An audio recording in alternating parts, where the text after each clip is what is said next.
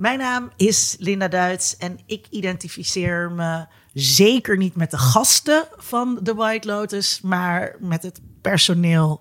Hoop, hoop ik. Hoop ik. Eh, eh, ik denk vooral omdat ik zelf lang in de horeca heb gewerkt. En dan weet je hoe kut gasten zijn. ja. Ik ben Emma Curvers en ik identificeer me wel met de gasten meer dan met het personeel. Oh. Omdat ik zelf ook wel eens eh, op zo'n cruiseboot heb gezeten of in zo'n all-inclusive resort. En dat ik dacht, beetje zielig eigenlijk dat die mensen zo eh, hard voor mij moeten werken. En die Mhm. meneer die ik om zeven uur bij het ontbijt zag, zie ik nu ook om zeven uur weer bij het avondeten. Wat is dat eigenlijk voor gekkigheid? De, Ja, Ik voel me een beetje ongemakkelijk. maar dan loop je toch weer naar het buffet. ja. Ja. Dat is toch wel lekker. Eh, mijn naam is Tom Aalmoes en ik identificeer me meer met de eh, medewerkers. Want tot een half jaar terug had ik nog een studentenbijbaantje bij de markt met een Q.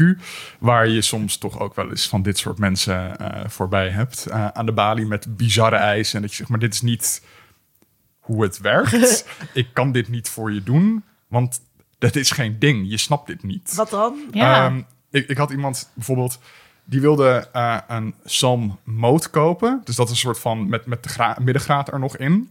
Eh, en niet de Sam filet. Maar hij wilde dan dat ik de graad uit de moot snee en hem door midden deed. Dus dat je twee stukjes filet hebt.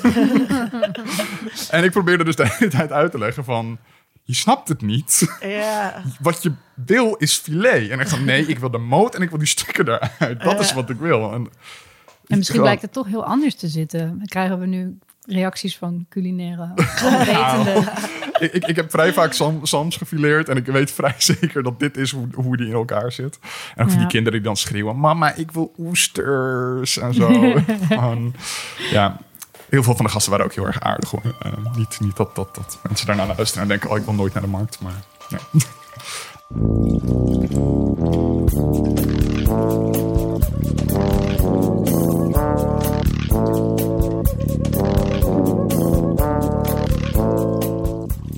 U hoorde al even, Emma Curvers is bij ons te gast. Heel erg leuk. Emma is tv-recensent bij de Volkskrant. eh, en ook de schrijver van de romans Iedereen kan schilderen en Melktanden. Die ik laatst heb gelezen. Heel erg leuk. Ah. Heel erg leuk dat je er bent. Ja, dank. Ben jij een beetje een geek?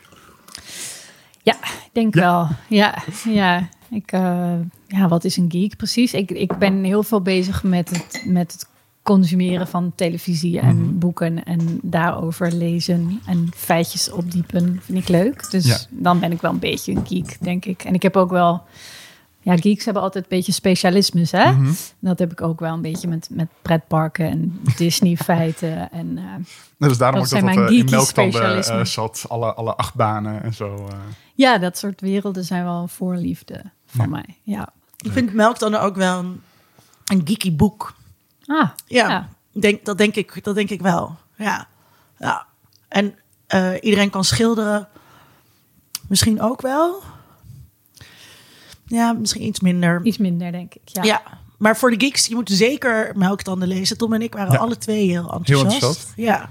Dus eh Leuk. ga dat boek lezen. Thanks. Ja. En ehm, je zegt al, ik, ik kijk heel veel. Eh, kan je gelijk even beginnen met de terugblik en, en terugblikken op wat je de afgelopen tijd eh, gezien hebt dat je ons aan kan raden of juist af kan raden? Juist niet, ja. Nou, van de week was ik heel blij, want toen kreeg ik de nieuwe screener van Succession, seizoen 3. En toen was ik. "Nou, oké, niemand bel, mag me bellen vanavond. ik ga alleen maar dit kijken. Ehm, dus dat was heerlijk, want ik vond het Heb je dan meteen het hele seizoen nu gekeken? Nee, 1 tot 7 krijg je vooruit. Ah, oké. Het is zodat je niet kan spoilen wat het einde Mhm. is. Dat mag dan niet. Maar dat duurt dan nog drie. Je hebt dan Ja. eigenlijk nog maar drie afleveringen Ja, dus- Dus dan moet je daar ja, twee maanden op wachten nu. Nou, ik heb hem nog niet uit hoor. Maar het ja. was wel fijn, want ik vond de eerste twee seizoenen gewoon heerlijk. Mhm. En ik was... En je ehm, mag hier al niks over zeggen, toch? Er zit een embargo op. Nou, je mag geen plotpunten weggeven. Ah, oké. Dus je mag wel eh, vanaf morgen mag je er dan over schrijven. Ja, er zitten van die regeltjes bij. Maar je Deze, mag deze niet komt over een week weggeven. uit, dus... eh, Ja, eh, nee, ook dan, mag je, ook dan vragen ze je om geen Oh, steeds. weg te geven. maar mag je wel zeggen of het, of het goed is? Ja, Is het goed? ik zat er weer heerlijk in. Ja. Ja, ja, Oh, ik ja. er zo naar uit. ja. Logan is nog niet, eh, nog niet weg. Ja. Het spelletje is nog niet uitgespeeld. Is dit een plotpunt dat je weg? Mm, oh ja, misschien. Nee, dus dat was heerlijk. En ik was eh, Sex Education aan het kijken. Hmm. eh, want daar was ook een nieuw seizoen van. Maar ik was eigenlijk bored. Oh, ik vind het zo. Ik, ja, ik weet niet. De eerste seizoen was ik, vond ik het echt wel leuk en Mhm. fris en vernieuwend. En nu denk ik, ja, maar zijn we nou echt alleen maar een soort van maatschappelijke puntjes nog aan het afwerken die ook nog even. Mm. Ik, ik weet niet. Ik ben er dus nog niet aan begonnen om exact deze reden. Ik heb er gewoon eigenlijk geen zin in. Ja, Dat ik denk, oké, het is zo... Ook iedereen is er ook zo laaiend over of zo. Over de diversiteit en over de Ja. voorlichting en over... En, Ja. en dan denk je, het schuurt nergens.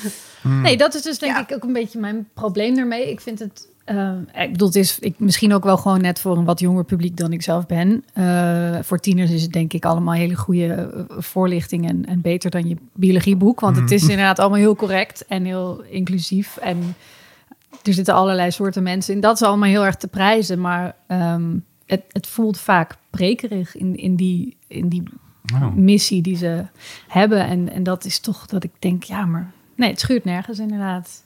Ja, wat jammer. ja. Dus dat waren twee dingen van afgelopen week. En Ja. jullie? Eh, Linda. Eh, ik heb gekeken naar ehm, Kevin Can eh, F himself. Kevin Can Fuck himself. zelf. Oh ja. op eh, Prime. En eh, dit is een van de beste series van dit jaar. Oh. Eh, ik was echt, eh, ik had al wel, ehm, ik had iemand er heel enthousiast over gehoord. Eh, en daarom had ik het ook aangezet. Ehm, eh, het, het, het, het speelt zeg maar met het idee. Je had, op een gegeven moment had je veel van die sitcoms.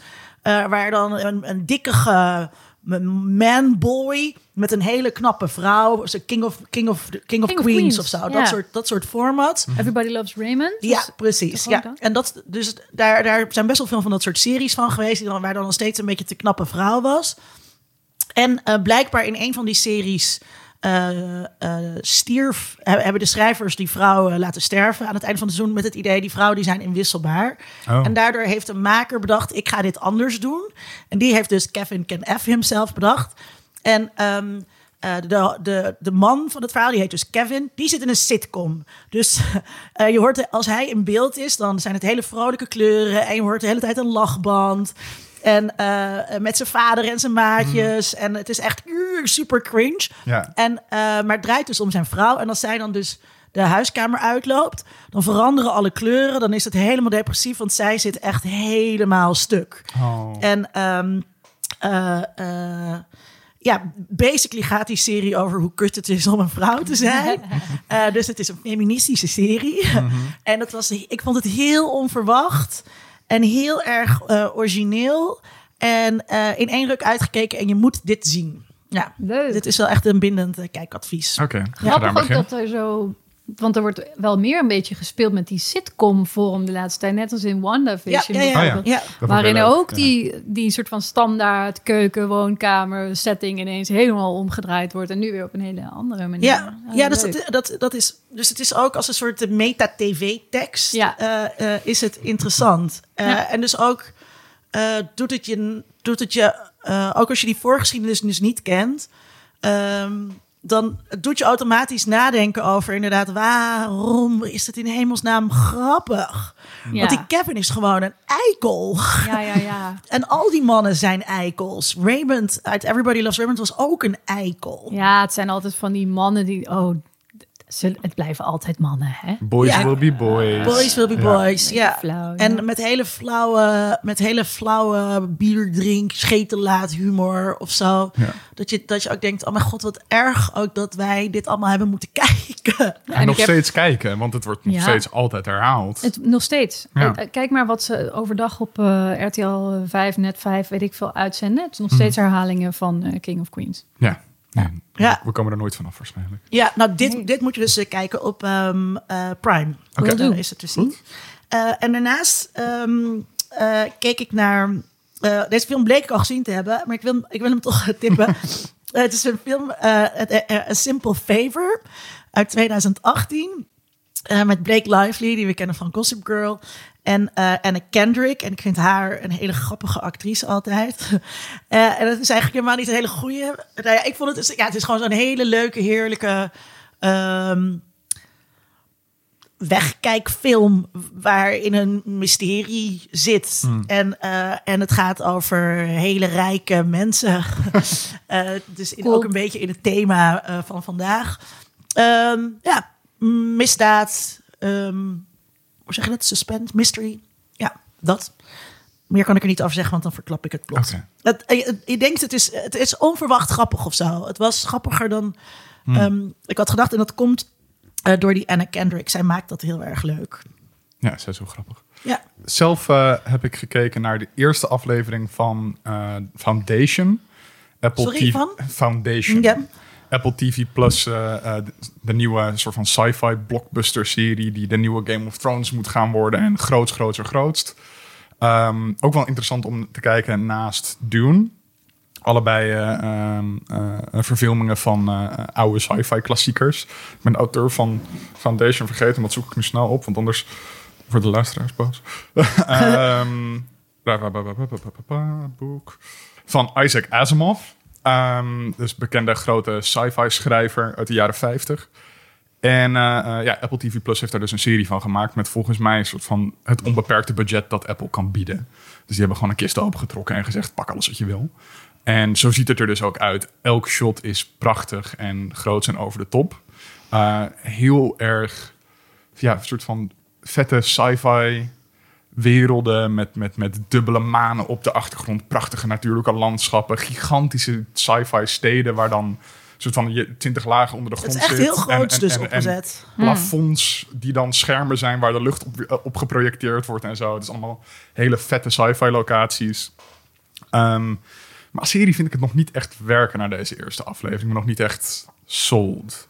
Dus ze zijn heel erg bezig met worldbuilding, dingen uitleggen. Hoe zit het? Ja, die, ja, die, ja. Je hebt een Galactic Empire. Je hebt eh, iemand die daar een gevaar voor is. En die volgen we. En ja, eh, intriges aan het hof. Dingen die we eigenlijk allemaal al kennen uit andere series. Die dan toch nog eventjes tot in den treuren worden uitgelegd.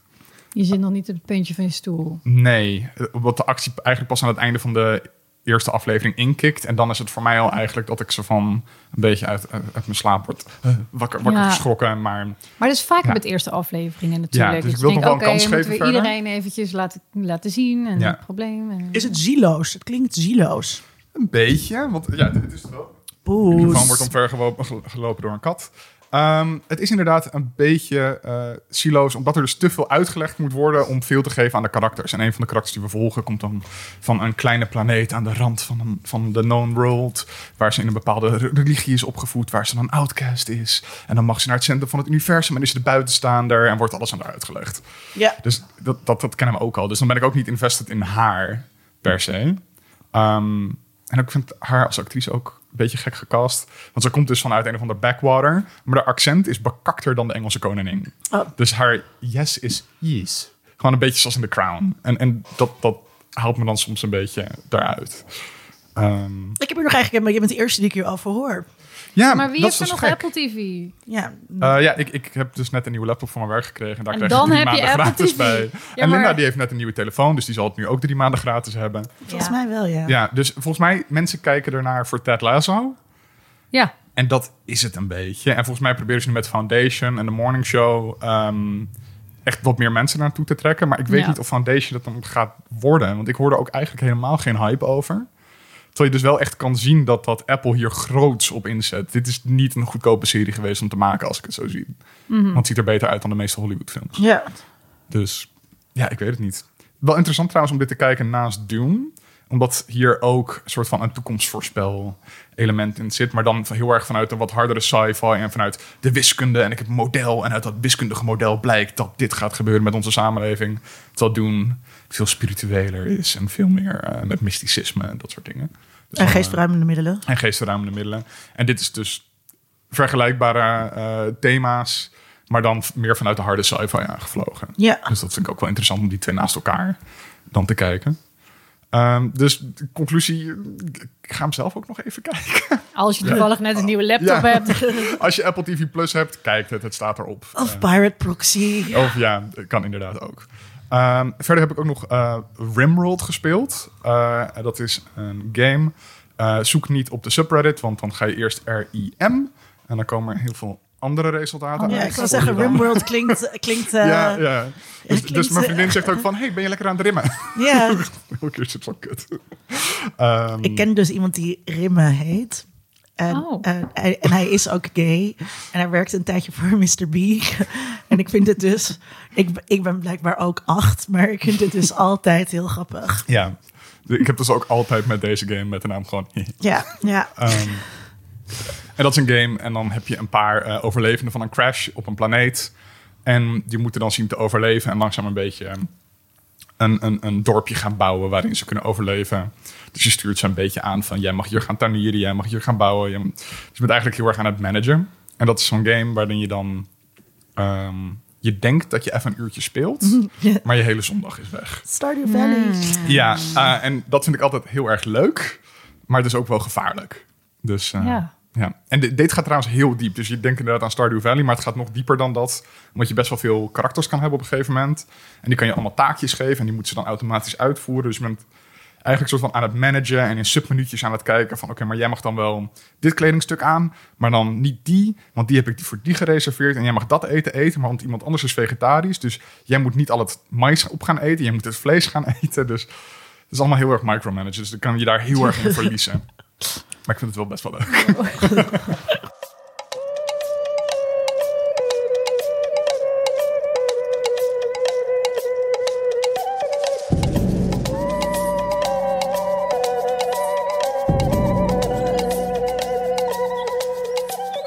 Yes, we gaan het dus hebben over The White Lotus. En ik wil eerst even beginnen met de kijkervaring. Want het is nogal een ervaring om te kijken, denk ik. Ja. Ehm, Je moet wel, als je dit luistert en je hebt het niet gezien... en je wil het nog gaan kijken, moet je het eerst kijken. ja, we gaan want, wel spoilen. Want de maar- spoiler... eh, ik zat helemaal op het verkeerde been aan het begin. Ja? Was er een verkeerd been? Er was een, ja, er- Ik, ik dacht, eh, zijn vrouw is vermoord. Oh, ja. Nou, maar je weet toch eigenlijk al, doordat het zo logisch zou zijn dat zijn vrouw zou zijn vermoord, dat dat dan dus niet het geval is. Dat duurde bij mij heel lang voordat ik Ja, erachter kwam dat het wellicht dus niet zijn vrouw zou kunnen zijn die vermoord werd. Ja. ja. Maar echt wel lang. Nee, ik, ik zat er inderdaad ook heel erg op. En aan het einde was het gewoon van, oké, nee, het gaat, eh, spoiler, Armand zijn eh, toen hij in die kamer zat. En dat mes was al de hele tijd in beeld, tot wat naast het bed lag en zo. Ja. Dus dan zit je wel van, oké, ja, nu zit het aan te komen. Ja. Maar waar ik het vooral over wilde hebben met kijkervaring, is dan nog het ongemak ja. van de serie. Hoe, hoe was dat voor jou, Emma? Heerlijk ongemak. Ik, ehm, mijn vriend had het al gekeken en die zei, eh, want we zouden op vakantie gaan, naar, dus naar een soort all-inclusive Oh, resort, ja. een paar weken geleden. En hij zei, we gaan die serie daar kijken. Hij had hem al gezien, maar hij zegt, het is perfect als je dan lekker in je hotelkamer Mhm. dat gaat kijken. En dat was ook zo. Want wij liepen daar dus de hele dag eh, dingen te bestellen en, en, en, eh, en eh, dingen te willen. En, en verder vooral niks te doen, ook in de zon te liggen. Dus het was gewoon echt een hele goede ervaring. En daarom zeg ik ook, ik identificeerde me meer met die gasten. Ehm, ik ben wel vaker niet in zulke chique resorts hoor, maar op van die plekken geweest dat je eigenlijk afvraagt hoe is het voor de mensen die hier Hmm. werken en, en, en wat heb ik daarmee te maken? En, en, en wat, moet ik daar iets aan doen? Moet ik me rot voelen? Ja. Ik weet niet. Ik heb vakantie. Dat is ook fijn. Ja. Dat was perfect. Ja, en ongemakkelijk. Maar ja, dat, daar drijft de show op natuurlijk. Ja, Ja. hoe was het voor jou, Linda? Ehm, ik vond het, eh, ja, ik, ik vond het dus meteen heel raar en leuk. Eh, en, ehm, eh, en het zijn maar zes afleveringen, dus het, het, het was ook heel, het was eigenlijk maar heel, heel snel voorbij weer. Ehm, ja, ja ik, ik vind het. eh, Nou, ik ben sowieso natuurlijk heel erg geïnteresseerd in klassen. En ik heb, eh, zoals de luisteraar weet, eh, was ik, ben ik dus ook alle Downton Abbey weer aan Oh het ja. kijken. En daar, daar moest ik dus heel erg aan denken. Eh, aan beneden en boven. Omdat je dat hier, omdat het eigenlijk hier daar ook Ja. heel erg over gaat. Ehm, en wat je bij Downton Abbey zo duidelijk hebt, is zij hebben elkaar nodig. Die bovenwereld heeft, eh, of bovenwereld, eh, de, de adel heeft eh, het personeel ook heel duidelijk nodig om, want dat geeft legitimatie aan wie zij zijn. Eh, terwijl, ehm, eh, en het personeel heeft hun nodig om te kunnen bestaan. Ehm. Maar die, maar die houden elkaar heel duidelijk in een greep. Terwijl hier is dat niet, hier, hier is dat niet zo. Of die mensen die dat resort bezoeken, die lijken minder door te hebben. ehm, daar is, zij hebben geen noblesse oblige eh, eh, gevoel. Zij, hebben, zij, ja, zij zijn er alleen maar eh, voor zichzelf. Dus, en, en het zijn natuurlijk ook heel Amerikaans. eh, ook nog eens een keertje. Ja. Ehm, En ze zetten ook echt bewust een masker op. Hè? Armand, de Ja. hotelmanager van het White Lotus Hotel. Die zegt ook echt van... We doen gewoon alsof we gek zijn aan het begin. Zoiets hè? Tegen, eh, tegen het andere personeel. ja, Terwijl in, in eh, Downton Abbey... Daar wordt het bijna als een soort roeping ervaren. Wij zijn nu eenmaal deze klasse. Dus wij bedienen de mensen Ja. upstairs. ja, Eh, en dat verschil zijn we natuurlijk gelukkig al, al wel lang voorbij. Maar, ja. maar, ja, maar tegelijkertijd, en dat vind ik interessant aan die serie, van we, we denken dat voorbij te zijn op een bepaalde manier, maar in ieder geval op die ouderwetse manier van, van inderdaad, je hebt als, als adel de taak en als ondergeschikte heb je ook, dit, dit is gewoon jouw plek, dus jij hebt daarnaar, je daarnaar te schikken. Niemand gelooft daar eigenlijk in, zo op die manier. Niemand zal zeggen inderdaad van, ja, de gast staat boven mij altijd. Maar het is van, ik doe het omdat ik ervoor betaald krijg en daarom speel ik deze rol. Dus er is een soort afstand die, die er eerst misschien niet was. En dat, dat vind ik, deze serie wordt dat heel erg mooi uitvergroot. ja. Ja. Eh, en qua kijkervaring, eh, ik heb het twee afleveringen samen met jou Ja. en je vriendin gekeken.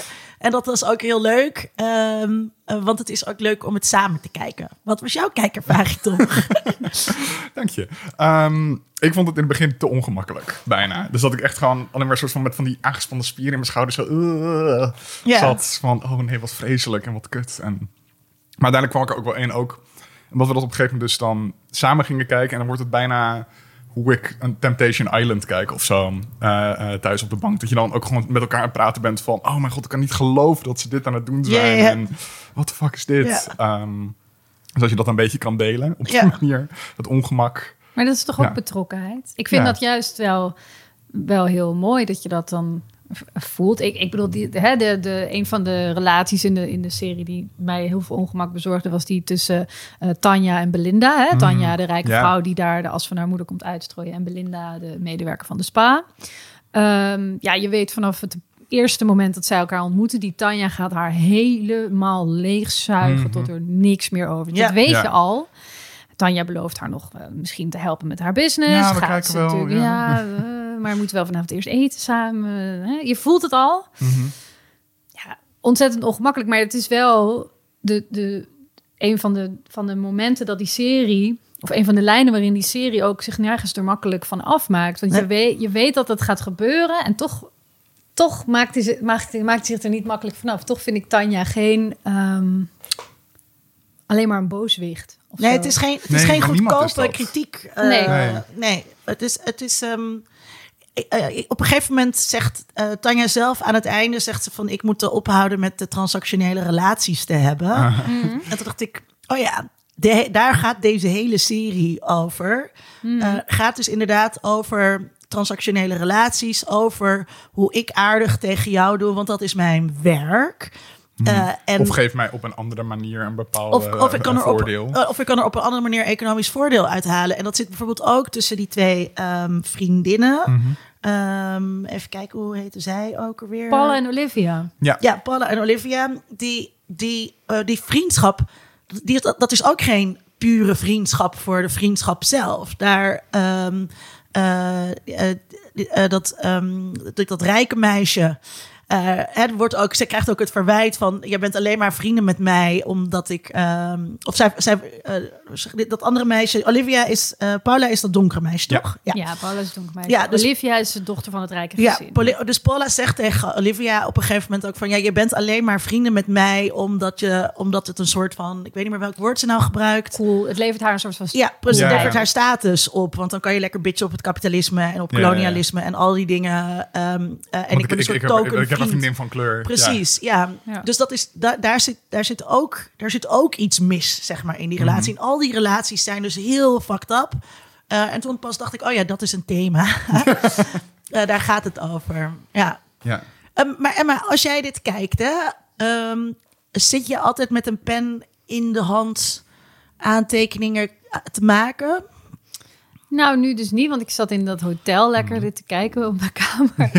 en eh, dan kan, kan ik ook heel goed gewoon recreationeel kijken hoor. En, eh, en daar gewoon ook van genieten zonder dat ik... eh, in mijn achterhoofd heb wat ik daarmee zal moeten of Ja. zo. Mhm. Ik check wel altijd even, heeft iemand bij de krant dit al gedaan? Oh, ja, en ja. Moeten we, moet ik misschien... Ja. Maar eh, nee, nee, ik kan heel goed eh, gewoon verslinden. En als je dienst hebt, want de komende week heb je dienst, dan... eh, TV-dienst. Wat- Dan, dan heb je echt dat je elke avond Ja, de dan, tv af moet. ja, ja, ja, ja, ja, ja. En ook de avonden dat er echt geen bal op is. en hoe, doe, hoe pak je dat aan? Ja, ja, best systematisch eigenlijk. Maak gewoon een overzichtje van wat er allemaal in de gids eh, staat en is aangekondigd. En wat er op de streamingsdiensten nieuw is. En dan ga ik gewoon een beetje eh, uitdenken. Hoe ga ik die week vormgeven? Een beetje van dit. Niet alleen maar dezelfde omroepen. Niet alleen Mm. maar commercieel. Niet alleen maar NPO. Eh, ook iets van streaming ertussendoor. En probeer ik gewoon een beetje een mix eh, te maken. Ja. En dan eh eh, klaar zitten, aantekeningen maken, kijken. Ja, ja, vaak heb je ook kijklinks. Dus dan kan je soms ook lekker even vooruit kijken. En dan hoef je Hmm. niet per se s'avonds. Maar het is, komt heel vaak voor eigenlijk dat ik iets kijk en dat ik denk... Nou, ik weet niet. Ik ga toch nog iets anders kijken. En dan toch pas uiteindelijk laat op de avond. Want het is niet dat jullie dan de afspraak maken van eh, jij kijkt dit, ik kijk dat, want dan kunnen we daarover schrijven allemaal. Nee, nou soms weet je het wel zeker als er een lang verwachte serie of zo uitkomt. Dan bespreek ik ook wel met collega's van ja, die pak ik sowieso wel mee. Hmm. Ehm, Want je doet het Sommige dingen weet toch? je het wel zeker dat je het gaat doen hoor. Maar, maar soms heb je ook zo'n avond dat er alleen maar een, eh, ja, een, een saaie documentaire over een eh, Siberische eh documentairemaakster is. En ja, en nog een herhaling van een oud seizoen, Hmm. eh, weet ik het. Het mooiste meisje van de klas. Nee, dit is trouwens een heel tof programma. Ehm, ja, dan ben je wel wat meer aan het zoeken. Maar en jullie doen dit in ploegendienst, dus je hebt een Ja. week. Ja. Ehm, het lijkt me dat die mensen vroeger gewoon, toen je niet een streamer kon krijgen, die mensen hadden toch geen leven? Nee. Nee, ik heb nu ook geen leven hoor. Ik, heb- ik zit ook gewoon dan die hele week toch s'avonds op tv te kijken altijd. Ja. En, dan, en dan maak je 's ochtends je stukje. En 's middags heb je dan even vrij. Het is altijd best wel... Ik vind het altijd best een intense week. Ja, ook omdat je het gevoel hebt van, nou, ik wil niks missen. Als er, als er eh, plotseling rondom een van de programma eh, iets, iets is wat heel erg in het nieuws is of iets, dan wil je dat ook meepakken. Mhm. Dus daar ben je ook nog altijd een beetje mee bezig van wat gebeurt er op Twitter, wat is er aan de hand in de wereld. Ja. Ja, je wil er bovenop zitten. Ja, Ja. wel. Ja, want vroeger had je ook eh, toch eh, Hans Berenkamp bij NRC en eh, Mhm. Jean-Paul Gele bij de Volkskrant. Die heeft heel lang gedaan. Die ja. deden dat gewoon elke dag. Dat dat Ja. echt, ehm, Wauw. ja. Ja, het is knap. Ja, ja. ik, weet niet hoe ze het. ik weet niet hoe die mensen het hebben overleefd. Lijkt Ja. mij niet echt leuk, maar Nee.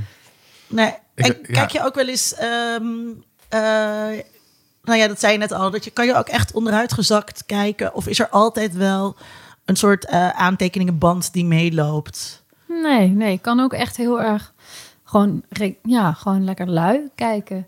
Maar ik weet ook wel dat als ik op Netflix de zoveelste eh, miniserie over een eh, m- moord in de jaren zeventig eh, eh, die nooit is opgelost aanzet, dan weet ik ook wel, ik ga hier nooit iets over schrijven. Ik kijk het Nee. echt alleen maar gewoon voor deze dinsdagavond en dan Is het daarmee goed? eh, is het hier ook heerlijk. ja. Of Ja. juist fijner?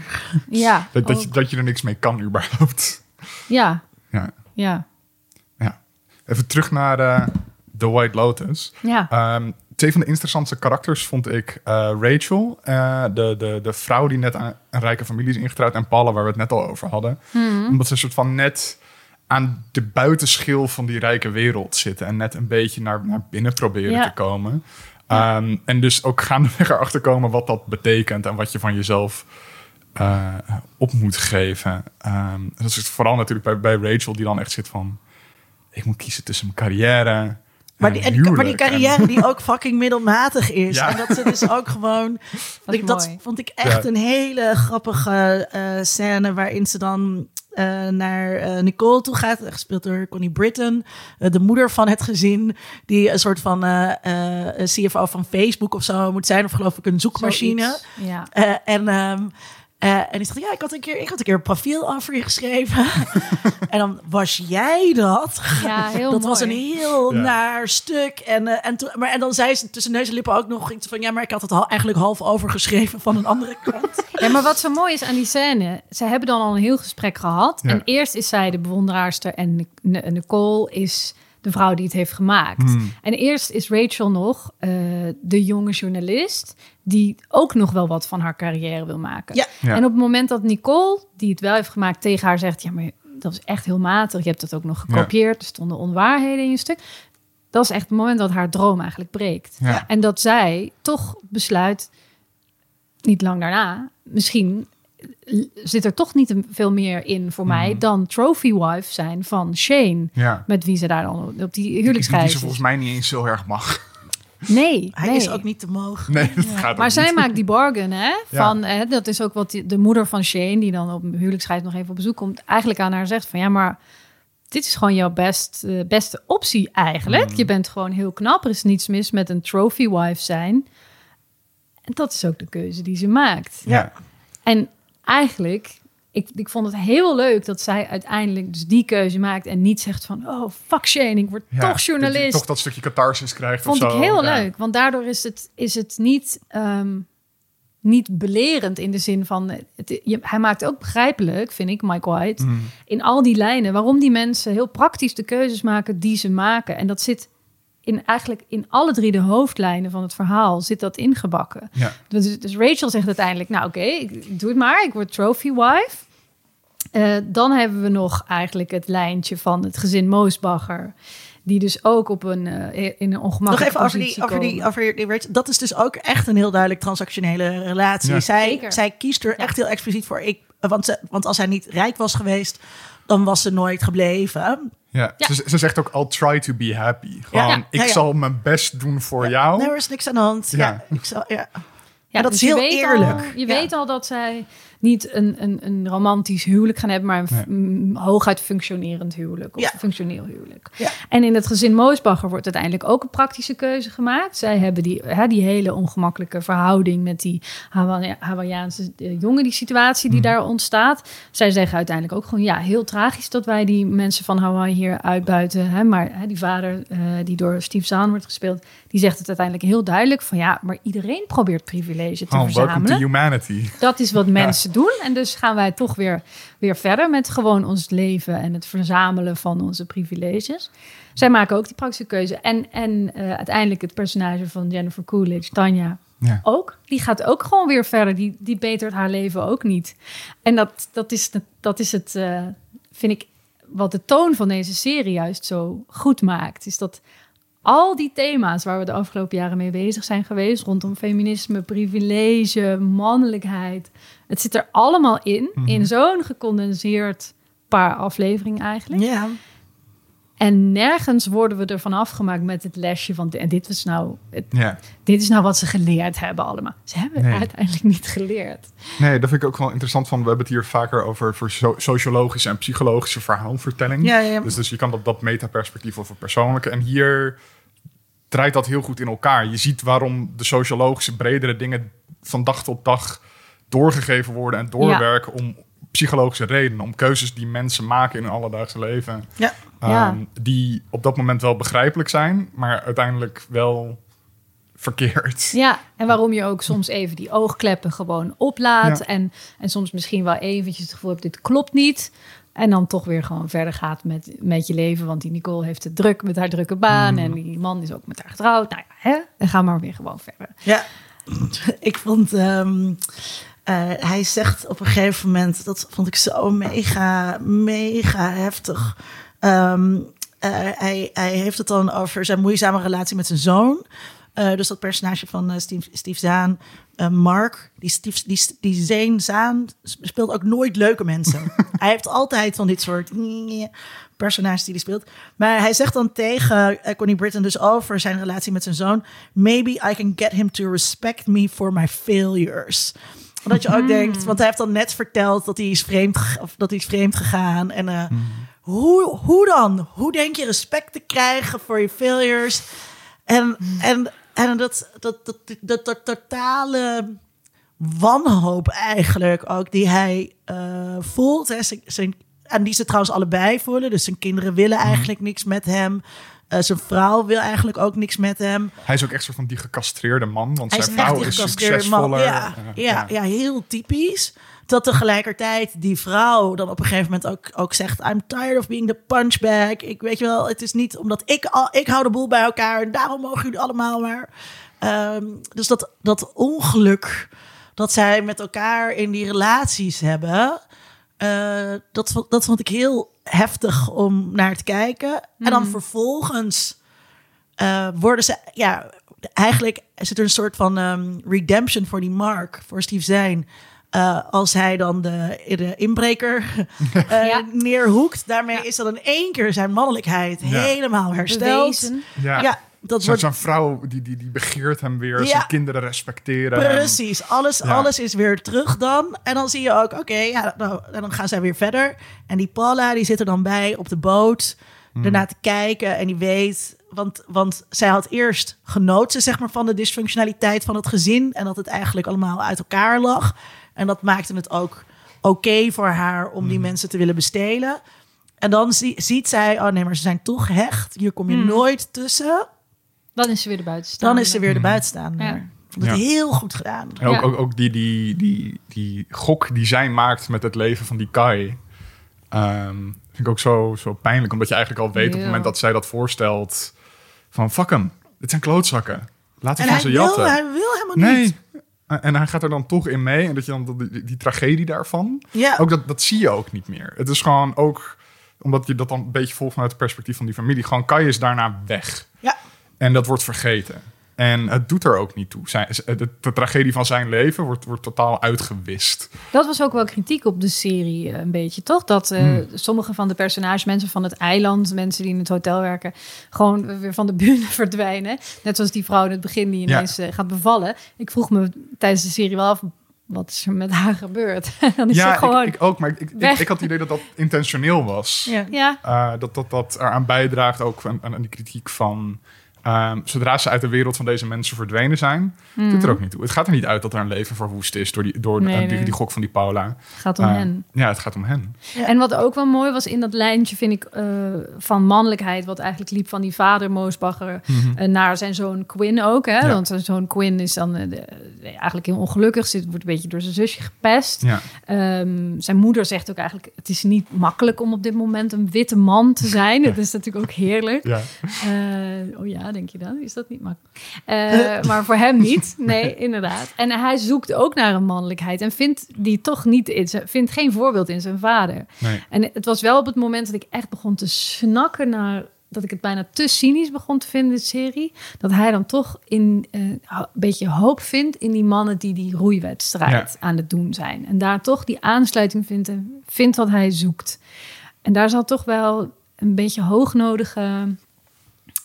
Een, een lichtpuntje in de serie, Ja. eh, vond ik. In dat hij dan zich aansluit bij die... eh, Ook dat hij besluit eh, aan het einde op het vliegveld om achter te blijven en zijn eigen weg te gaan. Hij is de enige Ja. die een andere keuze maakt. Dat had ik nodig als Ja. kijker. Maar ik, tegelijkertijd vond ik het wel in zijn verhaallijn makkelijk om het zo te maken van in het begin zit hij op zijn apparaten en dan moet hij bij zee slapen en dan, dan verdwijnt zijn switch en zijn telefoon Dan wordt hij geaard. Ja, ja, En dan ja, ontdekt hij het authentieke leven. Van, de volksbe- eh, van, van het volk op Hawaii. En hij ziet de natuur en hij ontwaakt. Ontwaakt Eh, als man. ja, eh, dat vond ik wel weer... Ik zat van, oké. Maar Maar tegelijkertijd had ik het ook inderdaad nodig. Ik had, ik had even dat, dat, dat, dat, dat briesje soms nodig van, van hem. Dat hij dan inderdaad over die baaien uitkijkt en mooie dingen ziet en Ja, zo. Ja, dat toch niet iedereen ook een dik is. Want je vindt hem Ja. toch ergens ook wel...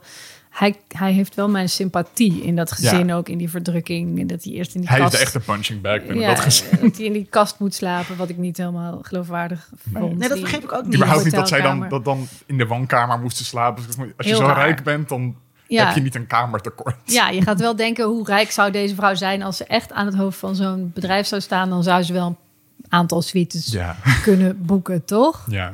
Maar dat, wordt ook niet gezegd toch aan het begin waarom, Waarom? dat is? Nee, Nee, dat, dat is, is dat is gewoon- echt een beetje een... Een grapje Eh, of zo. Of, ja. Nee, dat is gewoon iets waarin je als kijker heel even niet gelooft dat het dat het echt zo gaat. Ja. ja. En dat is wel ergens wel zonde. Dan hadden ze inderdaad even moeten uitleggen dat ze op het laatste moment had geboekt of zo. En dat ze daarom alleen nog maar één kamer Ja, had kunnen krijgen. ja die Dan, uitleg had ik wel, had ik wel nodig. eh, Ja. Ik vond ook ehm, heel grappig aan die, die meiden.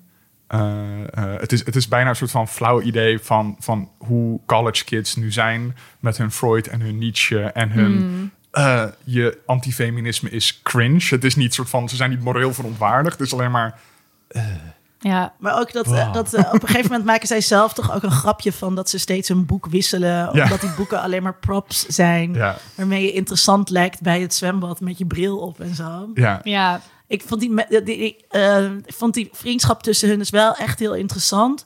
Dat ze aan het begin zitten veel te dicht op elkaar. eh, bijna lesbisch. Let's do Ehm, ASMR. Oh, ja. dat, ja, dat was, dat was ook heel gek. Maar meisjes zijn natuurlijk wel eh, zo. Dus die, die hebben ook wel eh, dat soort super intense eh, vriendschappen. En die intense verveling die ze kunnen delen. En haat naar de rest van de wereld. Eh, dat vond ik heel mooi in, eh, mooi in beeld gebracht. Terwijl het dan dus uiteindelijk ehm, heel scheef blijkt te zijn. Die, Ja. eh, Ja. die, die Ja. relatie. Wat ja, ik- je kunt het ook... oh, sorry. Nee, ga je gewoon... Nou ja, die relatie tussen hen. Kijk, zij zijn. ah, ik, ik vond het wel een hele heel leuk stel in deze serie. Omdat zij eigenlijk. Je kunt ze, je kunt ze zien als een soort kritiek op eh, Gen Z woke cultuur. Mhm. En toch zijn ze ook weer zo simpel niet. Nee. ehm, zij, zij zitten de hele tijd wel te bitchen op alles. En, en zij zien zogenaamd het grotere plaatje waarbinnen, waarbinnen alles zich afspeelt. En, eh, en hè, de, de blinde vlekken van hun ouders, dat kennen zij allemaal. Ze weten alles. Mhm. En tegelijkertijd doen ze geen fluit. Zijn ze totaal apathisch aan dat Ja. zwembad. Eh, dus ja, daar zit al iets heel grappigs in. Ehm, maar je hebt altijd het gevoel dat de maker van deze serie, Mike White, zich heel erg bewust is van, van het grote speelveld waarin al die thema's zich afspelen. En hij, want die schijnt het dus ook te kunnen. Je, je kan het als kritiek zien, maar dat is het toch niet. Zo Hmm. makkelijk is het toch Nee. niet. Maar het is niet alsof ze ongelijk hebben. Nee. Of zo. Dat, of dat de serie hun ongelijk probeert te bewijzen. Het is meer dat zij apathisch en lui zijn. En het inderdaad een soort van deels performatief doen. Ja, Maar het is niet alsof de problemen waarvan zij zeggen dat ze er zijn, er niet zijn. En Die hun zijn nog ongemak met die ja. tentoonstelling van de Hawaiiaanse cultuur bij dat soort bijvoorbeeld. ja. Ja, Die is- terecht. Ja, terecht. Ja. Ja. en die zien we ook. We zien Ja. ook dat dat voor die mensen vandaar eh, echt is. En Ja. dat zij eh, hun cultuur daar een beetje leuk moeten doen in een showtje in het hotel. En en that's it. Ja. Die reductie ook van, van, eh, van die lokale cultuur tot zo'n live show Ja. na het eten. En dat is, ja, we zijn allemaal wel eens in Turkije geweest, toch? Waar er dan, eh, waar er dan ook na het eten zo'n show komt. Of ehm, dat, zo, zo, dat is ook wat toerisme is. Mm. Ja. Ehm, dus daar moest ik ook over nadenken. Ehm, ik ben nooit op Hawaii geweest, maar volgens mij is het bijna alleen maar eh, toerisme. Wat, Mhm. wat daar qua economische handelingen Denk ik, verricht worden. En dat is, dat is natuurlijk altijd heel kut als je in toerisme werkt. Ehm, eh, ja, je, je bent ervan afhankelijk. Eh, en tegelijkertijd is het verschrikkelijk, maar het brengt ook gewoon werk. Ja, ja. Maar dat vond ik, vond ik ook heel leuk om te weten over die Mike White dus. Die sowieso wel een hele grappige carrière heeft gehad als Ik heb hem toen regisseur. gegoogeld en toen zag ik die, die, die docent uit de School of Rock. Ja, de School of Rock heeft hij gemaakt. Hij is ook schrijver geweest voor Dawson's Creek. Onder andere Hij heeft de Emoji Movie geschreven. Oh. Pitch Perfect 3. Oh. Hij heeft eigenlijk een heel gek cv. Wat? Dus hij heeft bij allerlei... Maar hij heeft daar ook over gesproken. Want hij had altijd allemaal wel wat meer... Zeg maar zeggen, auteursideeën. Maar heel vaak werd het ook afgewezen Ja. bij HBO. En dan zei hij gewoon, oké, ik schrijf wel Pitch Perfect 3. Fine. Ja. Daardoor heeft hij eigenlijk een beetje een gek cv. Maar hij hoopte nog altijd op de kans bij HBO om weer iets nieuws te maken. Hij had daar die serie gemaakt, Enlightened. Oké. Nou, toen was het pandemie. Toen zeiden ze, heb je wat? Toen zei hij, oké, is goed. Ik ga wel snel iets schrijven. Maar ik vind het dus ook heel interessant om te weten van hem... dat hij heeft ook een huis op Hawaii Oh. zelf. En hij, hij is zelf iemand die zich misschien eerder identificeert met een... eh, hij komt niet uit een rijke familie of zo. Maar op een gegeven moment ging hij wel denken... hé, hey, ik ben die rijke persoon eigenlijk gewoon. Dus hij, hij heeft allebei die perspectieven. En ik vind dat je dat, Mhm. En dat- voelt in deze serie. Dat, dat ongemak dat daarbij komt kijken. Ja, Ja. dat zit Ja. heel... Ja, daar hebben we het dan over gehad, Ja. over ongemak. Maar, Want hij heeft ook echt gezegd van ja, vroeger was ik gewoon een normale jongen en meer misschien een kunstenaar, ik wil regisseur worden. En dan voel je je niet als deel, deel van die elite. Maar inmiddels ben ik dat natuurlijk wel. Ja. Hij, heeft- Ja. hij zegt ook, ik heb nu allemaal vrienden met geld. Dus hij, hij eh, is zoekende tussen die twee posities. Van hoe moet ik me nou verzoenen met die, met die, met die geprivilegeerde positie? En dat voel je heel erg. De, en die, die nuance zit ook heel erg in, in dit script. Het is ook, maar het is ook, je- het is heel lastig om je te verzoenen met je geprivilegeerde positie. Dat is gewoon. Eh, dus de- eh, toen jij hier net binnenkwam, toen hadden we het even over eh, mijn huis waar we dit in opnemen. Ja. Eh, en ik heb, ik heb een heel leuk huis. Het is niet groot of zo, maar het is wel in het centrum van Amsterdam. En ik heb gewoon heel erg geluk gehad dat ik hier woon.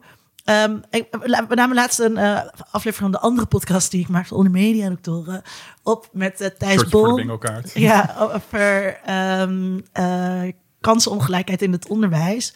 En dat ging ook heel erg over klassen. En toen hebben we best wel lang gesproken over dat het heel moeilijk is ook om jezelf tot de elite te, te benoemen of zo. Of om jezelf uit de hogere klasse te zien. Dit- Nu, dit, nu klinkt het net als een soort zeikverhaal van... oh, wat ben ik zielig dat ik geprivilegeerd ben. Ehm, maar het is... het is best wel onmogelijk of zo om je daarmee te verzoenen. Want het is gewoon fundamenteel oneerlijk. Het is oneerlijk dat ik eh, hier woon. Eh, en andere mensen heel veel moeite moeten doen om een huis te vinden. Ja, Ja, en, en het is ook niet zo dat ik nu allemaal mensen in huis ga nemen die geen huis hebben ja of zo. je kunt ook nooit genoeg doen om je daarvan te kwijten. Precies, dat Van, de, ik. eh, ja. van, de, van de, dat gevoel van, ja, ja, je kan allemaal goede doelen gaan steunen en zo. Maar wanneer heb je dan, wanneer heb je genoeg boete gedaan? Of Ja. weet ik niet. ja, Ik heb tijdens mijn studie ook heel veel gelezen over gentrificatie en, en hoe, hoe wijken veranderen in Amsterdam Ja. bijvoorbeeld. en wat ging je toen zelf doen? Toen ben ik naar de Indische buurt verhuisd. Een sterk gentrificerende wijk in Amsterdam-Oost. Ja. Ja. Waar ik dus ook gewoon zie, de nieuwe bewoners van mijn appartementencomplex zijn allemaal witte koppels van eind 20, begin 30. En de bewoners die er wat langer wonen zijn vaker mensen van kleur. En Ja. dat, dat ongemak zit daar in, in dat gebouw. Ja. En dat ontkom Ja, je dus nee. ook niet aan aan Want ik dat kan systeem. ergens anders een woning krijgen in Nee, nee, en op een gegeven moment ben je zelf die gentrificeerder. Ja. Of ben je zelf die persoon die in dat resort ook eens even gaat genieten van de vakantie. En denkt, wacht eens even, hoe zit het hier achter Ja. de schermen eigenlijk? Dus niemand komt buurtvrij weg, zeg maar. Dat Mm. vind ik zo mooi in dit verhaal. Dat je, dat je daardoor aangesproken voelt op die manier ook. Ja. Ik ben ook ooit uit de baarsjes eh, weg verhuisd. Toen ik daar, ik kon daar geen, geen huis betalen. Toen eh, ging ik naar Noord. Daar kon ik toen nog wel een huis betalen. En, Had je daar even de boel en gegentrificeerd? toen was ik natuurlijk gewoon Ja. die, gentrificatie van de buurt. Daar ben ik een, een schoolvoorbeeld van. Want ik ga naar de yoga en de pilates toe. En ik wil naar een leuk kaaswinkeltje en zo. En die oude bewoners, die zijn daar allemaal helemaal niet altijd blij mee. En, en, die, en, en ook begrijpelijk. I know. Ja, Ja. terwijl je tegelijkertijd eh, misschien ook de ervaring hebt gehad van ehm, gewoon werken. eh, en misschien zelfs in de horeca werken of... ehm, of Tuurlijk. niet. Nee, me nu zo aan. Ik niet hoor. werken. Nee, Nee, nee, kijk gewoon, naar eh, deze handen. Die hebben nooit... Die hebben alleen maar getypt. Maar dat, Nee, dat- wel, jawel. Ik heb wel zeker ehm, mijn eh, portie eh horecabaantjes eh, gehad. Mhm. Maar toen ik in Amsterdam kwam wonen, had ik al wel eh, ja, grote mensenwerk. Kantoorbaan hoor. Ja, nee, dat, dat wel. Maar eh, ja, zeker. Je moet, ook, je moet ook die rotbaantjes doen. Ja. Nee, maar Ja. dus dat je, dat je dus ook wel beide, positie, dat je beide posities in kan nemen, zeg maar. Of dat je, In je ook- leven sowieso. Ja, En toch, ja, ik zou heel ontevreden zijn als ik nu nog steeds die horecabaantjes had. Als ik eerlijk ben. Ja. Ehm, nou, het is gewoon hard, hard eh, werken voor veel minder geld. ja, en nu werk ik helemaal niet zo hard voor veel meer geld. Ja. Maar dat- En dat, is, dat vind ik dus ook weer on- heel oneerlijk. Dus stond laatst, of een tijdje terug, is het alweer een aantal maanden geleden, denk ik, een heel mooi stuk in de Volkskrant over armoede. Eh, over iemand die in zo'n armoedeproject eh werkte. Een heel mooi boek had gemaakt over armoede. En toen dus ging vertellen Oh, ja, dat hij zelf eh, arm was opgegroeid. En hij vertelde toen dat, dat hij ehm, eh, de, de eerste keer zeg maar, dat hij hoogopgeleid werk deed. en dat bestond uit de hele dag met mensen praten. Dat hij zich ontzettend schuldig voelde naar al die mensen die, die een die andere baan, die laag betaald werk hebben. En dat, en dat is natuurlijk ook eh, hoog, het, het soort hoogbetaald werk dat wij doen. Dat is. ik is je kan niet zeggen dat wij hard werken. Hard werken is gewoon sloven in de horeca. Of, Nee, dat ehm, vind ik niet. Nee, daar ben ik het nee? niet mee eens. Ik vind wel dat ik heel hard werk. ja, ik weet niet of ik altijd of ik kan zeggen dat ik het juist vind daarom dat ik dus een, een chiller huis heb dan andere mensen. Maar ik kan wel zeggen dat ik hard werk. Ja, Ja. oké. Maar ja, dat, ja, oké, dat is misschien ook gewoon een heel vaag begrip. Maar Ja. ik vind dat je. eh, emotional labor is natuurlijk ook zo'n modieus begrip Ja. geworden in de afgelopen jaren. Maar ik kan wel echt ehm, ook van achter mijn bureau zitten en, eh, en avonden doorhalen. eh, kan ik ook helemaal leeggezogen achterblijven. Ja, Net zoals je dat Ja. van meer fysiek uitdagend werk kunt zijn. Ja, dus Ja. dan is misschien de vraag inderdaad, wat is hard werk? En, en hoe wordt dat ingezet ook in, eh, eh, in politieke debatten en, en allerlei kwesties. Als het gaat over hardwerkende Ja. Nederlanders. Of hier Ja. heb Ja. ik hard voor gewerkt. Of wat ook, ehm, eh, hoe heet ze? Eh, Nicole. Ja. Eh, ook, weet je wel, eh, ik, ik werk echt heel erg hard om dit allemaal voor jullie neer te zetten. Ja, maar daar zit dan ook de implicatie in. En dus is het terecht dat ik heel veel geld Precies. Ja. Ja, en dat, dat is natuurlijk niet automatisch. eh, ja. Werk jij hard, Tom? Ja, jawel. ik, ik, ben, ik ben met mijn met werk nu ben ik vaker gesloopt aan het einde van de dag dan toen ik fysiek werk bij, bij de markt met een Q deed. Ja. Eh, dat ik echt met klap aan het sjouwen was nog. ja. Maar dat heeft ook gewoon mee te maken met eerst grote mensenwerk, ehm naar je studie. En ik denk misschien jezelf een beetje willen bewijzen en gewoon ja, hard door willen werken. En Ja. natuurlijk met media, ik maak podcast. Eh, Ja. Gewoon, ja, dan moet je die deadline gewoon halen met dat het ding af moet. En als het dan een keertje fout gaat, ja, oké, maar dan, dan moet je dat oplossen. Maar de aflevering moet er nog steeds uit. Ja. Eh, dus dan, dan moet je ineens meer werk gaan doen in dezelfde tijd. Waarbij Dus- we natuurlijk moeten aantekenen dat wij nooit fysiek in gevaar zijn bij het doen van Nee, ons werk. nee dus dat ik, is ik, wel heb, ik snij mezelf niet meer in vingers, bijvoorbeeld. Nee, oh, maar ook we doen geen werk wat gevaarlijk is voor onze gezondheid Nee, of, en dat nee. soort dingen. Maar is het dan ook niet... ehm, want uiteindelijk die, die Nicole, hè, die mensen, dat gezin... zij vinden het uiteindelijk wel heel terecht dat omdat Nicole zo snoeihard werkt... Mhm. zij nou eenmaal heel veel rijker zijn dan de mensen die in dat hotel werken. Mhm. Zagen jullie er dan ook een soort mm, kritiek op het, op het kapitalisme in? Of, of, of ligt het toch ook weer niet zo? Ik zag dat niet zo met het werk. Zelfs al zegt inderdaad Nicole inderdaad van... Ja, ik werk, werk hier zo hard voor. En dan kijk je dan naar de, de, de werknemers eromheen... en denk je van, no, Ja, no. dan vraag je dat af. Ehm, maar de, die kritiek zit niet per se in werk in deze serie. De kritiek zit in, in klassenrelatie en status, denk ik, veel meer. Mm. Ehm, dus ik denk dat je... Dat je eh, Ik denk dat, Ja. dat, dat eh, kapitalisme heel duidelijk als een gegeven wordt beschouwd. Eh, ja, Maar binnen dit soort verschillen nou eenmaal bestaan. ja. Ja. En, dat, en dat het er vervolgens om gaat hoe je daar, wat voor, wat voor rela hoe je zelf eh, invulling geeft aan die relaties. En wat, wat voor klootzak je daarin kiest te zijn. Want dat Ja. is natuurlijk, je kan ook. Je kan ook prima heel rijk zijn en geen klootzak. Ik bedoel, dat is geen voorwaarde. En is, en dat is- is een optie. En Ja. is Paula, die dan eigenlijk ervoor kiest om op een best wel radicale manier eh, die Kai, de Hawaiiaanse Ja. te gaan helpen, is zij dan geen klootzak? Jawel. Nog steeds wel. Ik Ik vond neem haar- om, om, omdat ja. zij dus... Zij heeft ook een bepaalde status binnen dat systeem... die hoger is dan Kai. Ja, Ehm, en Hij is ook maar gewoon haar plaything. Ja, en zij riskeert hem en niet haar eigen positie. Eh, en daarmee vind ik haar wel een klootzak. Hoe begrijpelijk ook is waarom ze doet wat ze doet en dat ze deze gamble maakt. ja. Maar ze maakt die gamble met iemands anders leven. ja. Ja. En op het moment dat eh, Nicole de boot uitstapt en eigenlijk Kai zou kunnen gaan betrappen op de Ja. diefstal, Doet zij niks. doet ze helemaal niks. Want ze wil haar eigen plekje binnen dat systeem niet riskeren. Ja, terwijl ze ook nog een poging had kunnen doen van... hé, nou ga dan mee. Ja. Lopen ze achter je moeder aan. ja. Ik vind het ook wel interessant, eh, Armand, daar hebben we het eigenlijk bijna nog niet over gehad. Wat een Hmm. leuk personage Wat een is. fantastisch personage is. Echt Die ster van de show. scène heb ik echt twee keer zitten kijken. Twee keer? Ja. Nee, daar kan ik niet naar kijken. Dat Oh, vond nee. ik dus het ongemakkelijkste moment. Dat kon ik echt niet aanzien. Ik heb Nee. weggekeken. Waarom kon je dat dan niet zien? Nee, ja, ik weet Je niet. Poep. ziet echt die drol eruit komen. Nee, poep. Ik wil dat gewoon echt niet zien. Oh, nee, dat maar- is maar- het ding van mij. Dat... Ja, ik, ik vind zijn situatie zo interessant omdat hij ook een beetje die tussenpositie inneemt. Eh, van hij hoort niet bij die rijke klasse, maar hij vertegenwoordigt die tegenover zijn eigen personeel. Dus hij, hij, richt, hij, hij, hij traint zijn eigen personeel zo af om zich maar perfect aan al die eisen te gaan voldoen. Dus hij, haat het systeem waarvoor hij werkt. Hij haat de mensen waarvoor hij werkt. Maar hij is eigenlijk meer dan wie dan ook binnen dat hele systeem van het hotel bezig. Om ervoor te zorgen dat het allemaal netjes blijft rollen. Ja, hij is de facilitator. Hij zegt Ja. het ook op een gegeven moment tegen de jongen waarmee hij dan uiteindelijk toch wil neuken. Ja. Van, hè, eh, zij buiten mij uit en ik buit jou weer uit. Ja. Eh, zo gaat het gewoon. Ja. Het rolt zo naar ja, beneden. laten we nu heel veel drugs aan gebruiken. Ja, ja.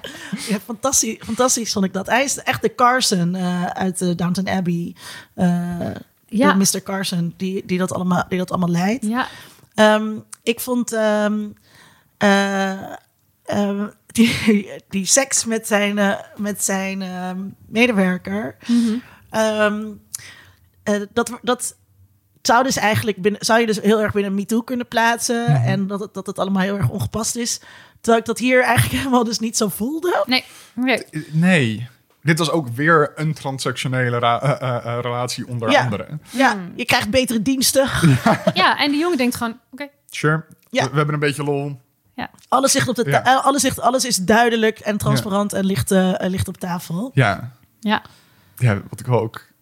is- is dat is juist leuk. Want we hadden ook weer een, een, een lesje van kunnen maken of Ja. zo. Of, een, eh, of iets. Ja, dat weer niet. En Nee. denken jullie dat hij het expres heeft gedaan? Dat hij, eh, dat hij, de, dat hij de bruidssuite niet heeft gegeven ehm, aan ehm, eh, Shane? Nee, ik denk oorspronkelijk een fout. Ja, En daarna gewoon merkt hij gewoon wat een dickhead die Shane is. ja en, En dan laat hij het gewoon niet meer... eh, nee. Dan laat hij het er niet op zitten. Ja. Dat, dat, dat soort momenten heeft denk ik iedereen in de service-industrie wel gehad. Dat je gewoon zegt van, ik kan dit niet voor jou gaan doen. Maar ik weiger gewoon even, want Ja. je staat me niet aan. Sorry. Ja. Ja. Ja. Ehm, en hij moet het met, de, met zijn leven bekopen. Ja, dat wel inderdaad. ja. Heel, Tragisch. heel tragisch, ja. En de Pineapple Suite was dus niet eens zo mooi. het was echt vreselijk. Geen die- zeezicht. Ja. Nee, dat bad dat daar heel raar eh, gepositioneerd stond. Ja.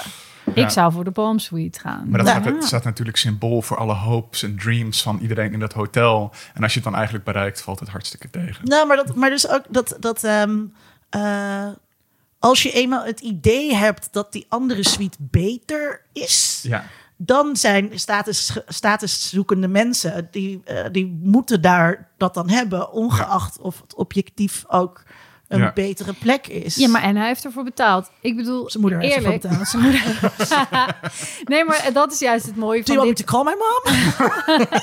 Nee, maar dat is juist het mooie van dit, van dit zielige conflict. Is dat je je ook nog kunt voorstellen dat je zelf in een hotel komt. En dat je de verkeerde kamer hebt. En dat je denkt, ja, maar wacht eens even. Hallo. Ik voor die andere kamer. Natuurlijk moet je dan Ja. gewoon het verder gaan met je vakantie. En niet da- daar zo zielig over doen als Shane. Maar er zit ergens iets in wat je je voor kunt stellen. En ik, dat ik, maakt ik kan het heel leuk. erg zo zijn. Als dan een ding niet lukt of zo, dat ik daar dan gewoon heel erg over kan mokken. Ga je dan klagen? Ja, niet per se klagen, maar mokken. Gewoon een beetje... Een beetje Nee. ja, ja. Maar ik vind dus wel, ja, ik, het is klagen. Het is heel lastig. Dus Klaag jij, ga jij klagen als, als je dan, eh, als je een andere kamer had geboekt? Ga je, En ik had mij verheugd op de Pineapple Suite. Ja? En ik kreeg Ja. niet... Hell the fuck, ja. ik sta bij die balie en ik ga gewoon mijn consumentenstem opzetten, hoor. Ja. gelijk. Maar ik ga niet, eh, als dan vervolgens dat gewoon niet kan... daar mijn hele vakantie door laten Ja. Nee. bepalen. Ik heb een keertje met Linda in een restaurant gezeten bij de Ebeling. En toen heb ik volgens mij drie keer een biefstuk teruggestuurd. Nou ja, maar dat, dat wil ik dus zeggen. Wat is, wat is het? Wat, eh, ik, ga dus, ik kan dus heel erg in restaurants klagen, maar dat komt ook juist omdat ik in de bediening heb gewerkt. En als iets niet goed is, dan moet je het ook zeggen. Want het is ook niet de bedoeling dat je eten Ja. eet wat niet lekker is of waar iets mis mee is. Of, eh, ehm, dus daar zit, wel, daar zit wel een soort spanning van hoe lang ga je door. Ja. Ja, ja, ja. ja. ja en, en, en bij hem is natuurlijk, hij is een soort van symbool van, van entitlement. Waar- Wat Ja. altijd een woord is waar ik geen Nederlandse vertaling voor kan vinden. Nee. Entitlement, dat is echt, daar draait hij om. Ja, Ja, dus hij heeft al nooit de beste, nooit de goede kamer, tot hij de allerbeste kamer heeft. Ja. En Ik anders vond- wordt hij tekort gedaan. ik vond dus, eh, hij wordt gespeeld door Jake Lacey, Ja. een acteur die ik verder niet kende. Jawel, het Girls. Ken je hem? En eh, heb je Girls nooit gekeken? Nee, vond ik, heb ik wel gekeken, maar vond ik niet Hij leuk. op een gegeven moment het vriendje van eh, Lena Dunham's personage als eh, leraar, toch? En hij zit in elk geval in Carol, de, de, de, het kerstsprookje over twee extreem knappe lesbiennes. Ja, dat heb ik wel gekeken. En daar is hij de man die wordt afgedankt uiteindelijk. maar dat staat Hij, niet daar zo heeft hij ook bij. wel het hoofd voor. Maar wat, wat, ik hier, wat me hier dus eh, opviel, was ehm, hij speelt het echt heel goed. Dus ook met, Mhm. zijn, met zijn lijf. Want ik zag een andere foto van hem waar hij dus wel gewoon normaal staat. En hier, hij heeft steeds een beetje zijn schouders ook naar voren of zo. Dus hij is wel gespierd, maar ook weer net... Je weet ook gewoon dat is gekocht met een personal trainer. Weet je wel? Dat, Dat, zie je is- aan de soort spieren. aan, aan zijn- in zijn Nee, maar houding. het hij, hij, hij kromt zijn schouders Ja. heel erg. Hij hangt een beetje Ja. voorover. Ja. Echt een be- het Ja. is echt een dickhead. Ja, is maar het. het, het is ook een klein kindje in het lichaam van een te grote, opgezwollen man. Ja. Ja, En dat klopt natuurlijk helemaal met dat karakter. Dat is zo ja perfect you love to hate hem echt, hè? Eh, ja. En hij is ook echt wel... Bijna iedereen heeft wel een sympathieke kant binnen dit verhaal.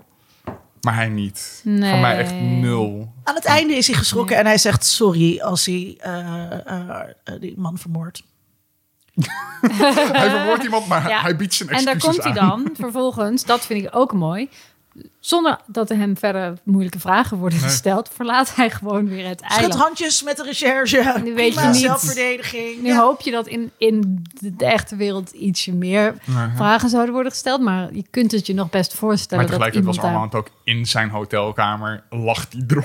Ja, maar dan hoef je nog niet meteen iemand dood te Nee, steken maar dan kan het wel een ongelukje zijn. Dus je weet uiteindelijk niet hoe dat zich, eh, hè, wat er dan is gevraagd en met welk verhaal hij daarbij is weggekomen. Dat vind ik wel heel leuk. Hij, Hmm. Ja. hij gaat gewoon verder met zijn leven. Het is vanzelfsprekend. Iemand is dood gegaan. Nou, ja. Slechte publiciteit voor het hotel. En dat is ook wat je helemaal aan het Ja. begin Ja. ziet. Van, oh, ik hoorde dat er daar iemand vermoord is. Ja. Oeh, ja. Ja, Mm. En aan het einde heb je dan dat, dat, datzelfde shot als aan het begin. Dat, dat personeel dan weer zo zwaaiend naar, naar, ja. naar de volgende groep Ja. eh, eh, Ja. En dan heb ik toch zin om erheen te gaan hoor. En moeten we, gaan we het nog hebben over de muziek? Oh ja, laten we het hebben over de muziek, want die was echt wel... Jij vond het heel kut aan het begin, toch? Ja, maar dat is omdat het dus... Wat ik al zei, van dat, dat ongemak in het begin kon ik daar niet mee. En die muziek... Nerveus, die muziek. Ja, en die muziek die, die, die helpt daar heel erg bij om die sfeer zo neer te zetten natuurlijk. Eh, dus, dus daarvan had ik inderdaad heel erg van... Dat, daar kon ik dan niet mee dat dat schepje er nog bovenop kwam. Maar aan het einde van de serie zat ik wel een keer van... Oké, hier gaan we weer. Ik moest, de ik moest denken, is dit een beetje... Kijk, ik heb nooit de Griekse tragedies gekeken. Ehm, maar in Griekse tragedies heb je toch altijd het koor, de uh, chorus die dan zingt en eh, dingen becommentarieert Mhm. en zo. Dat gevoel kreeg ik er dus hier heel erg bij. Dus het is veel zang ook, Mhm.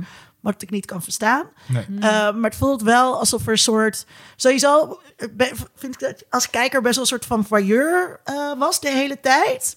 Het is een Ehm, beetje reality tv-achtig soms. ja, wat je ook zei, Temptation Island. En dat je... Maar dat is ook een van de obsessies van Mike White, hè? Oh. reality televisie. Ja, dat hij, komt er goed in terug. Hij, ja. hij houdt heel erg van reality televisie en hij is ook deelnemer geweest in Survivor. Oh. Ja, dat heeft hij ook nog een keer gedaan Ja. in zijn Mhm. leven. Maar en dat is dat verwerkt dus hij ook ja. echt in zijn projecten. Dus ik, ik voelde heel erg dat er dus een soort van, ehm, nou bijna soort, het klinkt dan heel, dat klinkt heel racistisch, een soort bosgeesten van eh, Hawaii of zo, weet je wel. Van nou, oké, dit is het verhaal wat zich hier nu gaat ontvouwen. Deze tragedie gaat zich ontvouwen. En dat ze dat een soort van becommentariëren en aanwakkeren. Mhm.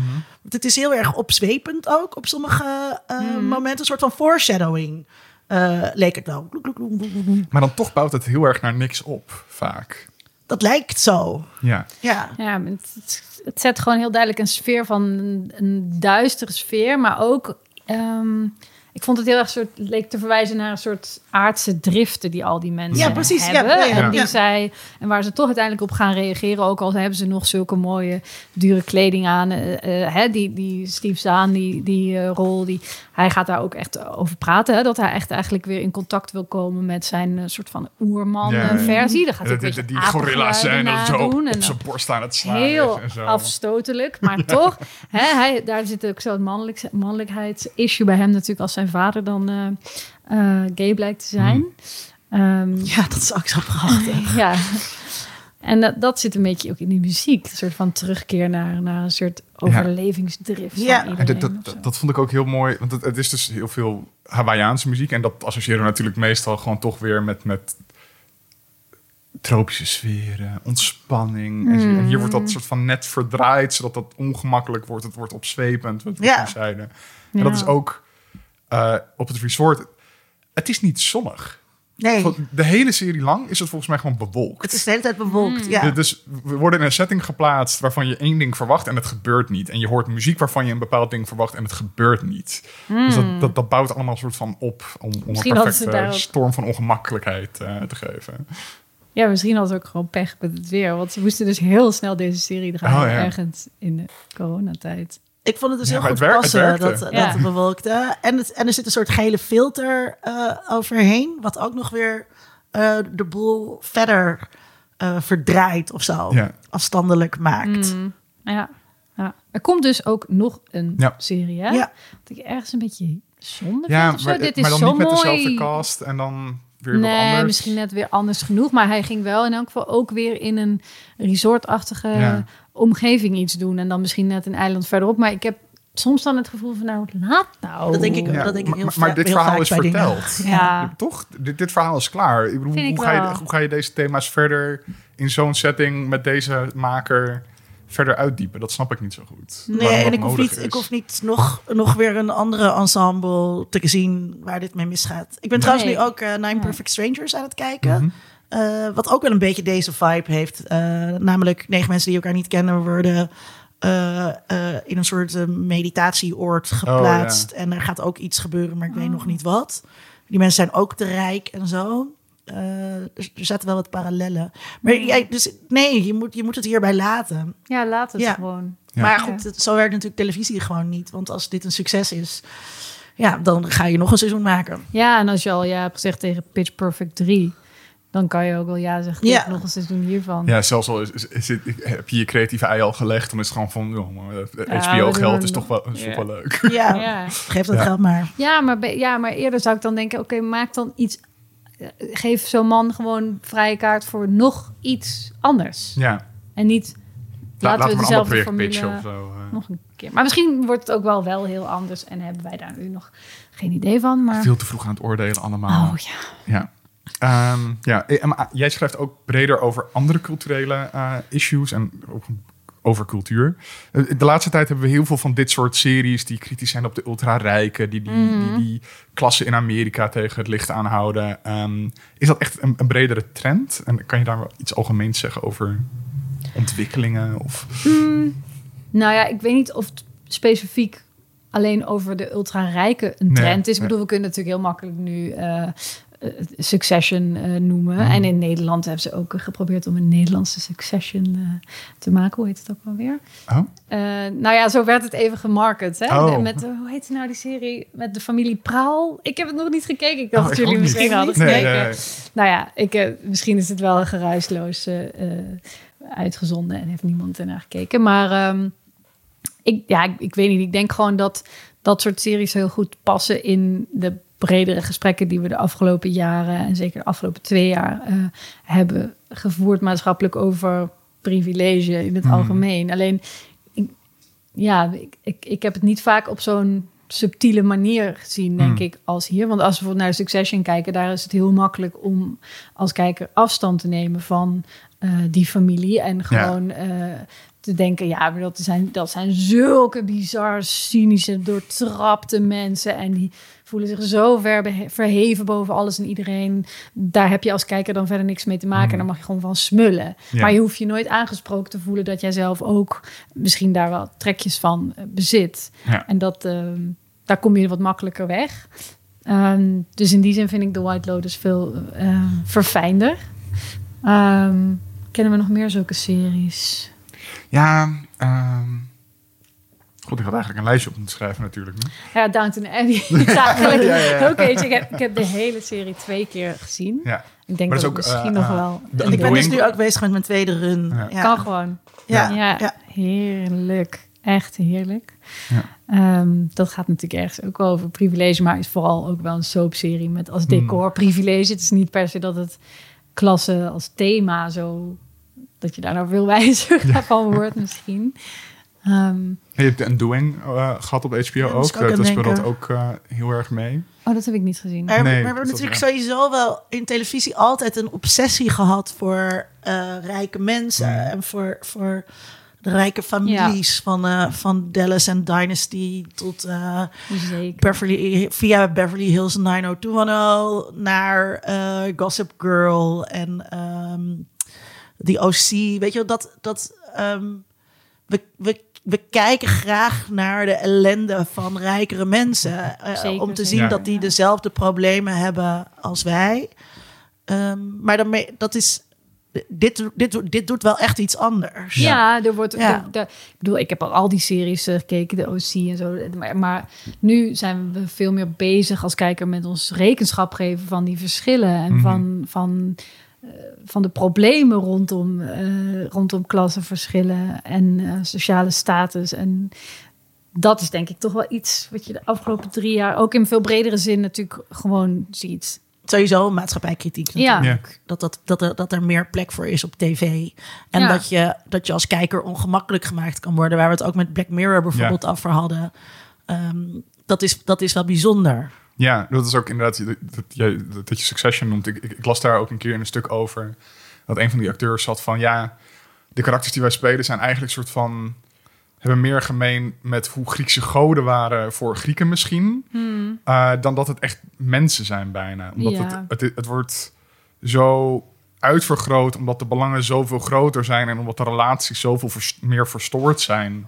Ja. Ehm, dat, nou, dat, Zeus had ook niet echt lekkere relaties met Nee, zijn... nee, nee, maar, eh, da- maar, daar- maar daarom is, zijn, is de cast van Succession, die, die ultra-rijken, zijn meer als, als, als die goden Oh, zo, ja. voor de Grieken, Ja. dan eh, ehm, dat ze op on- onszelf lijken. Ja. Dat op, Ja. op de kijker lijken. Ja, ja als, als, als je zou vragen van met welke persoon uit dit gezin van Succession identificeer je je, ja, dan denk je echt, ik wil eigenlijk liever niemand zijn. Dan ben je misschien eerder die, die neef Paul die zo'n beetje probeert dan ook zo bij te hangen of zo. Greg, Oh, Greg, ja, sorry, ja. can't make Eh. a Tom without bre- breaking a few Greg. Ja, ja, ja, favoriete lines uit de Greg heet serie. Ja, ja, hij is dan zo'n beetje zo'n gekke outsider. hij is eigenlijk. ook wel de way in voor de kijker. Ja, Ja. Eh, ja, wij komen via hem dat, ge- dat die familie binnen. ja, en leren ook de mores, net zoals hij die mores ook Ja. moet leren. Ja. Ja, Ja. hij is de Piper, hij is Orange is the New Black. In a world. In a world. World. World. World. In a world. Zoals altijd wil ik even afsluiten met de vooruitblik. Waar kijken we de aankomende tijd naar uit of juist niet?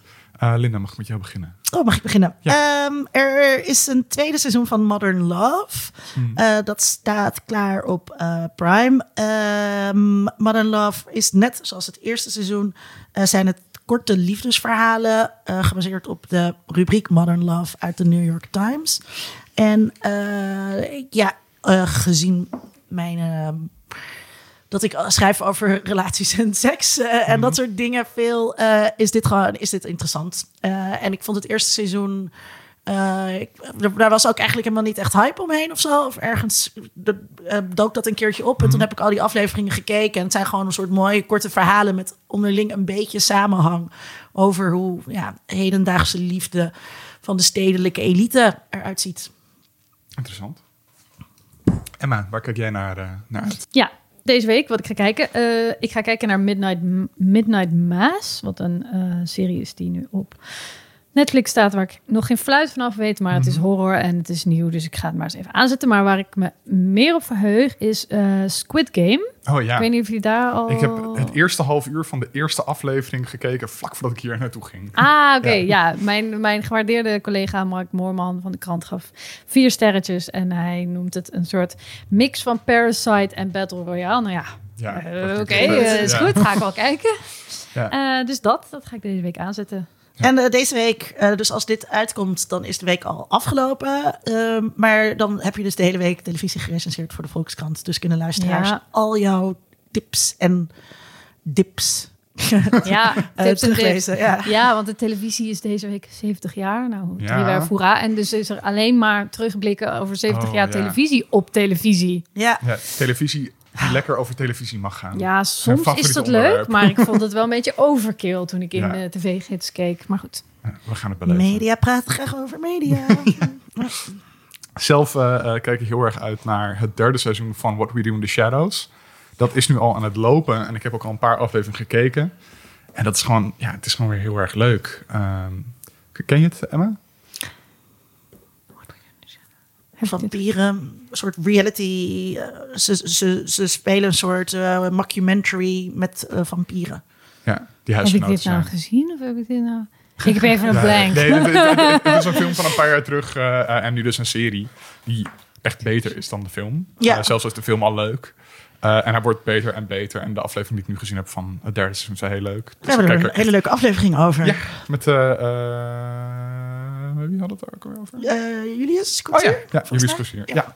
Nee, eh, dus ik kijk heel erg uit naar de rest van het seizoen. En ik sluit me morgen aan eh, bij het D&D groepje Oh, ik weet het van weer. Linda. Ik heb het gezien, sorry. ik moest het googlen, ik kon niet uitstaan. Ik heb die film gezien. Ja, ja, de ja. serie is ook echt heel erg leuk. Sorry, ga verder met wat je zei. Ja, nee, Eh, je komt morgen bij. Linda D&D'en. Ja, Eh, dus daar kijk ik heel erg naar uit, want dat heb ik nog nooit gedaan. En ik heb hem vandaag een beetje in proberen te lezen, zodat ik morgen eh, goed mee kan komen.